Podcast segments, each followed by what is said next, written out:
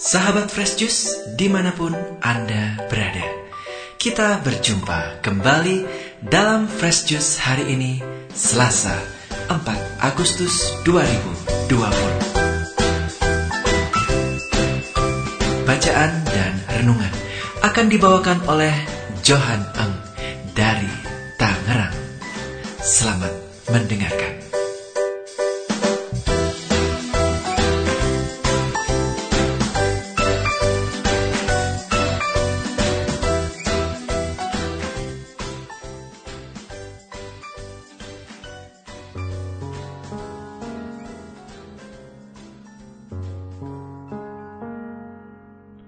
Selamat berjumpa kembali sahabat Precious yang terkasih. Saya Johan Eng dari Tangerang.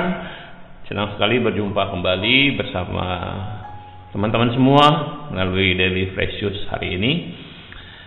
Dan hari ini gereja memberikan kita bacaan dari Matius, Injil Matius, Matius bab 15 ayat 1 sampai 2 dilanjutkan dengan ayat 10 sampai 14. Mari kita baca dan kita renungkan bersama-sama.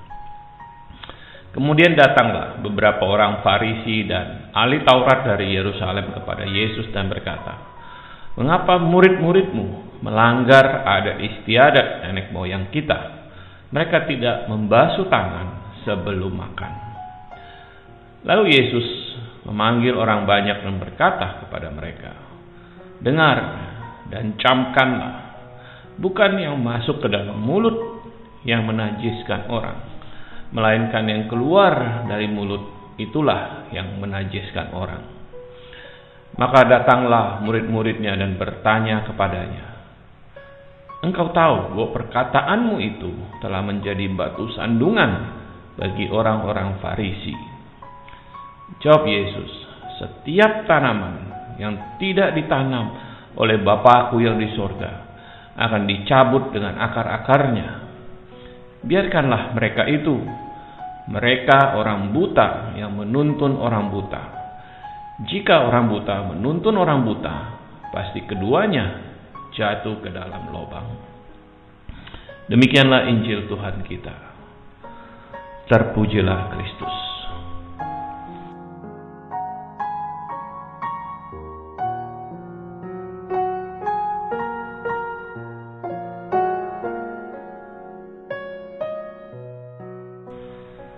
Sahabat Kristus yang terkasih, bacaan Injil hari ini berkisah tentang Yesus yang uh, dikritik ya oleh orang-orang Farisi dan ahli-ahli Taurat. Karena murid-murid Yesus uh, tidak melakukan apa yang seharusnya mereka lakukan menurut adat istiadat orang Yahudi yaitu membasuh tangan ya dengan aturan-aturannya sebelum makan Jawaban Yesus. Uh, sebaliknya dia kedengaran agak membela murid-muridnya ketika Yesus berkata bahwa uh, yang penting adalah apa yang uh, keluar dari mulut orang, bukan apa yang masuk katanya gitu ya. Jadi kalau apa yang masuk itu tidak membuat orang najis katanya, melainkan yang keluar dari mulut orang, orang itulah yang membuat najis. Yesus tidak mengatakan bahwa aturan itu bagus, tetapi yang jauh lebih penting adalah bagaimana kita hidup. Nah, yang eh, yang yang menarik dari bacaan ini adalah murid-muridnya datang kemudian murid-muridnya datang kepada Yesus dan mengatakan bahwa pada Yesus bahwa apa yang Yesus katakan itu menyinggung perasaan orang-orang Farisi dan ahli-ahli Taurat. Mereka mungkin merasa tersindir gitu ya. Karena dikatakan yang keluar dari mulut mulut orang itulah yang membuat uh, orang itu najis.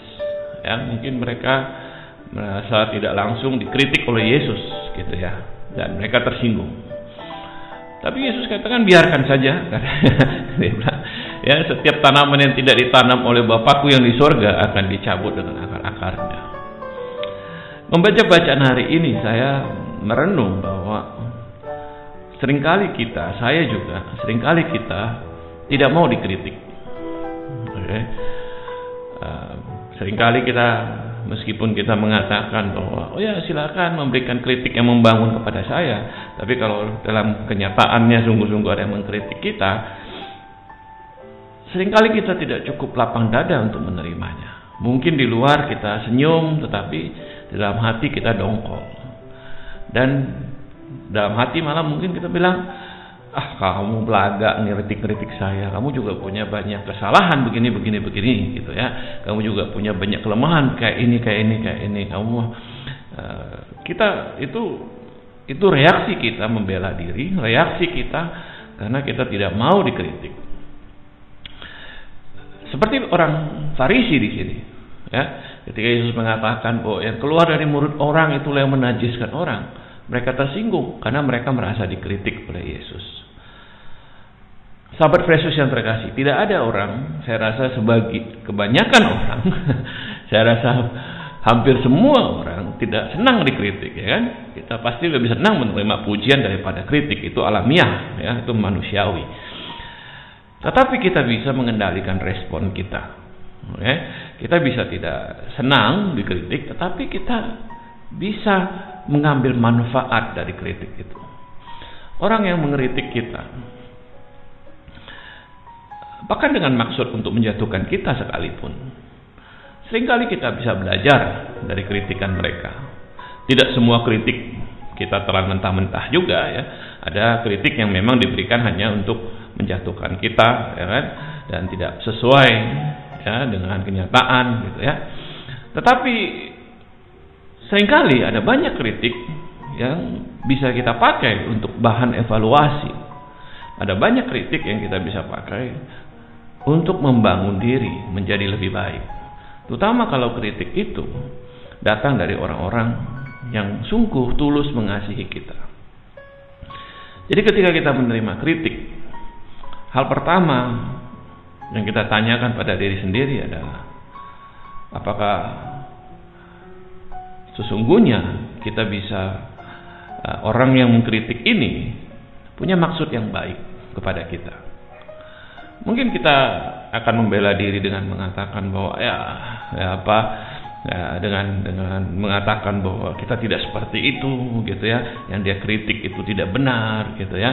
Itu reaksi awal dan sangat wajar, tapi hendaknya kita bawa ke dalam doa. Hendaknya kalau orang mengkritik kita, mungkin awal meskipun di awal kita merasa bahwa apa yang dia kritik itu tidak benar, alangkah baiknya kalau kita bawa kritik itu ke dalam doa dan izinkan Tuhan membuka mata kita izinkan Tuhan membuka hati kita mungkin kritik itu uh, bisa menolong kita oke okay? terutama kalau kritik itu dari datang dari orang-orang yang mengasihi kita dari uh, para senior kita ya pak uh, mungkin pembimbing rohani kita datang dari orang tua kita, orang-orang yang mengasihi kita, brother sister kita di komunitas gitu ya. Orang-orang yang punya punya hati buat kita. Kadang-kadang tidak mudah bagi mereka untuk memberikan kritik juga kepada kita. Ya kan? Kalau sampai mereka memberikan kritik, tentu karena mereka merasa perlu untuk melakukannya. Mereka mau uh, men menerima resiko bahwa kita mungkin akan jadi marah, kita mungkin akan jadi tersinggung, kita malah mungkin akan memusuhi mereka. Tapi karena mereka merasa bahwa kritik itu bisa membantu kita, maka mereka juga melakukannya. Oke? Okay? Eh, sahabat Yesus yang terkasih, hari ini kalau kita mengalami ada orang yang mengkritik kita, jangan cepat-cepat kita membela diri. Jangan cepat-cepat kita mengatakan bahwa ah yang dia kritik tidak benar. Tetapi mari kita bawa kritik itu ke dalam doa. Mari kita bawa kritik itu ke hadapan Tuhan. Dan mungkin Tuhan akan memakai kritik itu untuk membangun kita, menjadikan kita lebih baik, menjadikan kita orang yang lebih mengasihi, lebih dekat lagi kepada Tuhan. Semoga demikian. Mari kita berdoa. Dalam nama Bapa dan Putra dan Roh Kudus. Amin. Bapak dalam surga sering kali kami menutup hati kami sering kali kami begitu sombong sehingga kritikan orang bahkan dari mereka yang mengasihi kami uh, tidak tidak bisa tidak kami terima Bantu kami Bapa, utus rohmu untuk melembutkan hati kami. Beri kami kerendahan hati supaya jika ada orang yang dengan tulus hati memberikan kritik untuk membangun kami, kami mau menerimanya. Kami mau berbesar hati Tuhan menjadikan bahan kritikan itu sebagai batu loncatan untuk menjadi lebih baik. Semoga roh kudusmu boleh membimbing kami semua. Amin. Dalam Bapa dan Putra dan Roh Kudus. Amin.